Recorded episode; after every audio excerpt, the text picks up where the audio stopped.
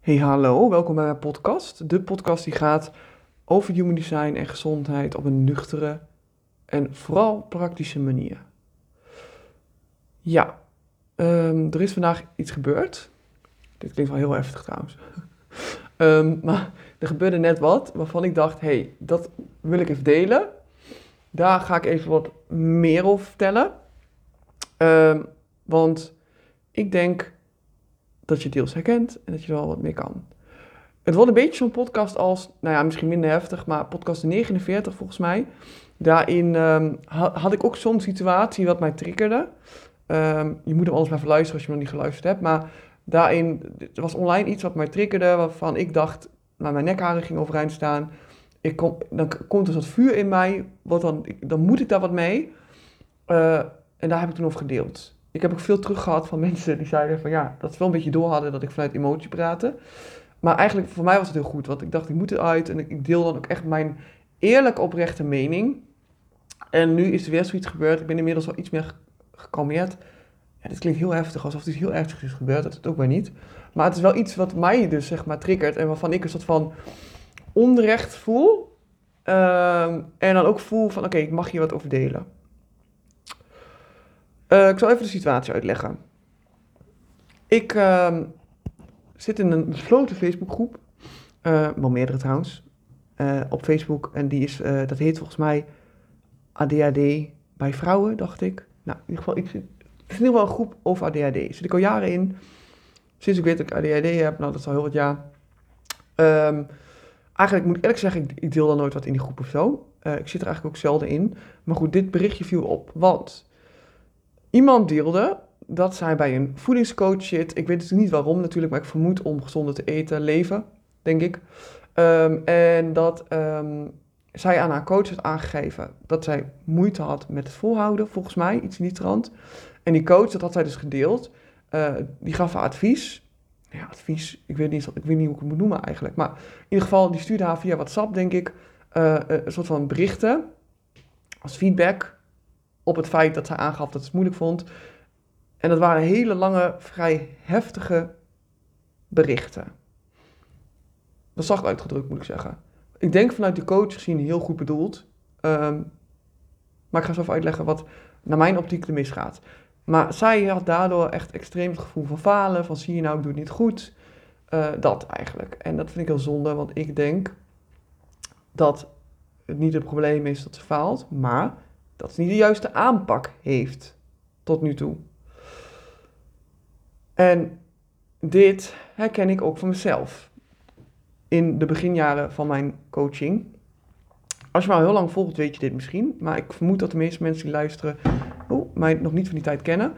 Um, ja, het voelt als jaren geleden, maar is het voor mij ook. Nou laat ik even een aantal jaar geleden, voordat ik Human Design kende, vlak daarvoor, uh, werkte ik voornamelijk met vrouwen die ADHD hebben, die slaapproblemen hebben. Um, en ik had een aanpak om dus zeg maar die slaapproblemen aan te pakken. Dat kwam deels vanuit mijn studie, deels vanuit eigen ervaring, nou, uh, maar ook mijn eigen expertise daarin. Achteraf gezien, maar dat is allemaal achteraf gezien hè, weet ik nu dat die aanpak die ik deelde, dat dat echt niet voor iedereen werkt. Misschien voor een, een groep, maar ook voor een hele grote groep niet. Voor mij werkt het, Um, dat we er voorop stellen, want uh, dit is een aanpak. Toen onbewust al deed ik, had ik een manier die bij mij paste, wat ook in mijn design staat. Daarom werkt het ook zo goed voor mij. Ik had echt hele erg slaapproblemen, maar echt heel erg.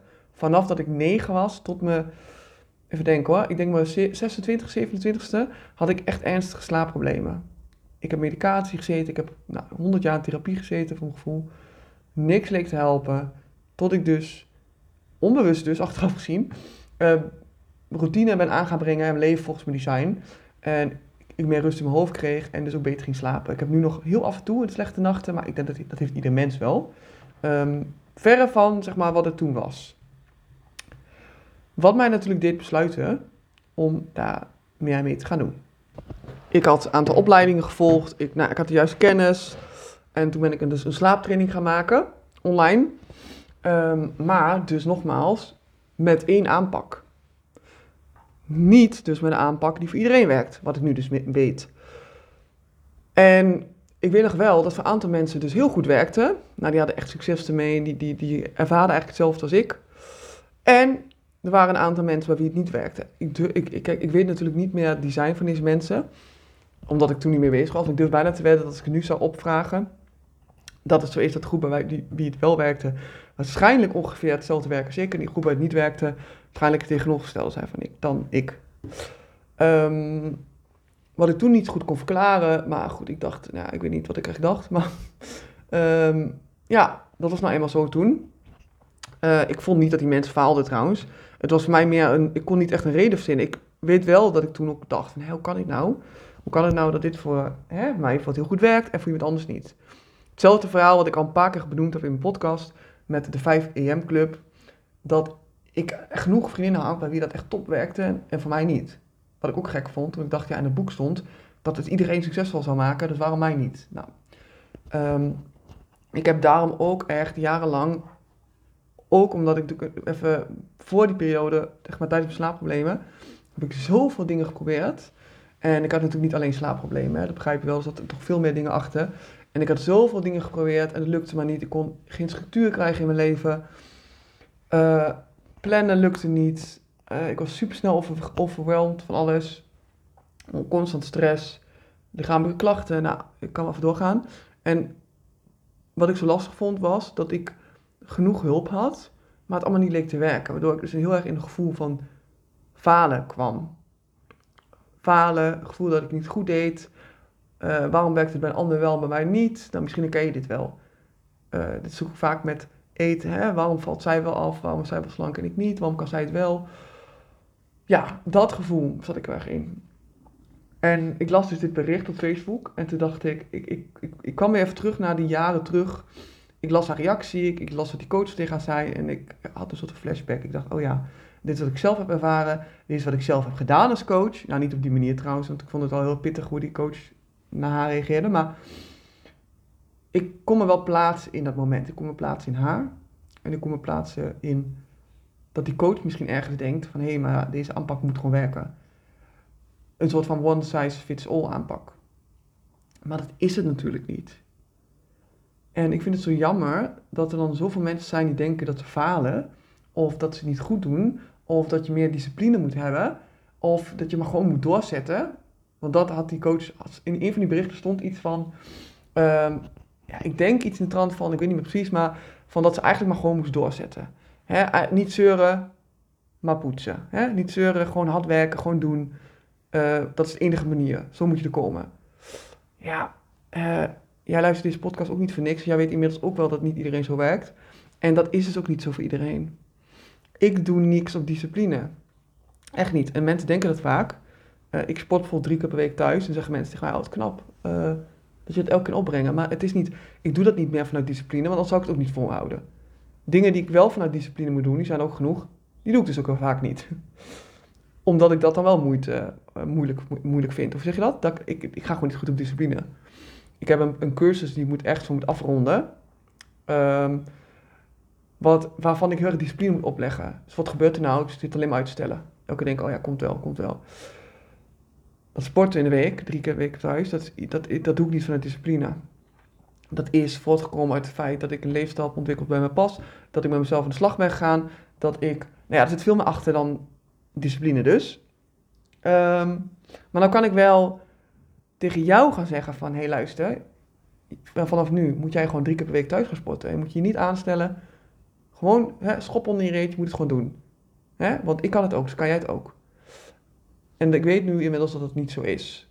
Misschien wel, misschien ben jij ook persoon voor het werkt, maar misschien ook niet. Misschien werkt het anders voor jou.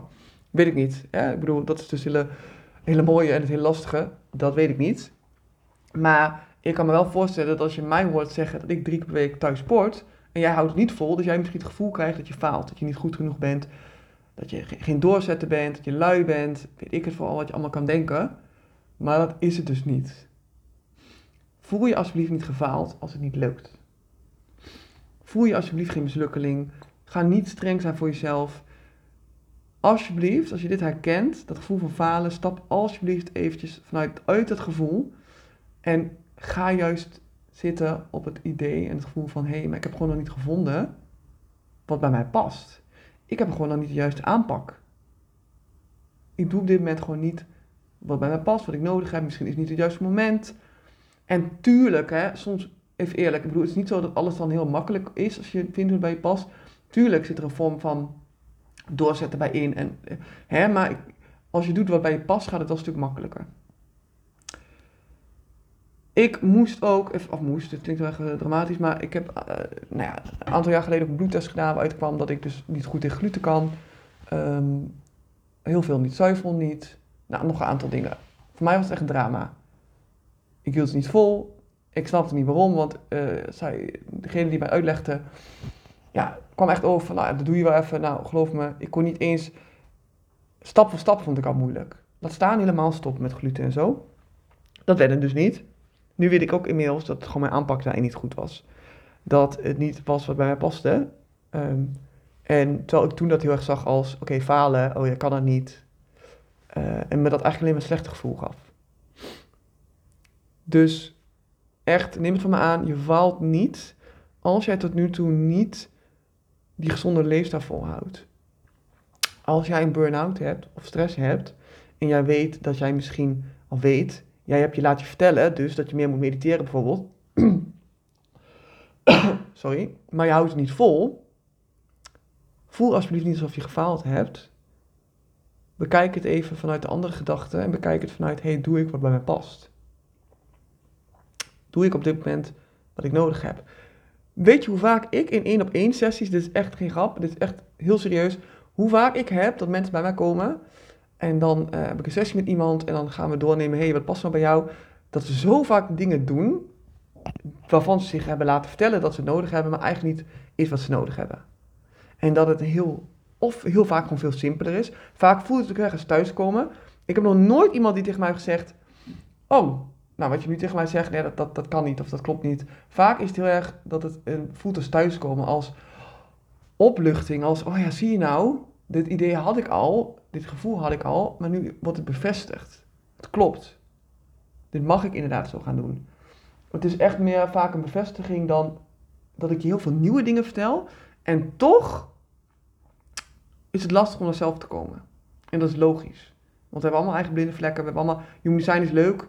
En uh, je vindt online echt wat informatie. Maar het blijft natuurlijk wel lastig om de juiste dingen en de juiste linkjes te leggen in je eigen leven. En dat snap ik heel goed. Maar ook als je nu met human design aan het oefenen bent en ook dat lukt niet, voel je niet gefaald. Ga alsjeblieft kijken, doe je echt de juiste dingen. En hoe pak je het aan? Er zit zoveel, nou, zoveel nou, uitdagende kanten ook nog aan. Um, maar ik wil het even hierbij laten. Wees lief voor jezelf. Je valt niet. Je hebt alleen nog niet de juiste aanpak gevonden. En vertrouw erop dat je die wel gaat vinden. Ik denk dat dat het belangrijkste is. Wil ik het voor nu met deze podcast gewoon hier lekker bij laten. Heel erg bedankt voor het luisteren. En uh, tot de volgende podcast.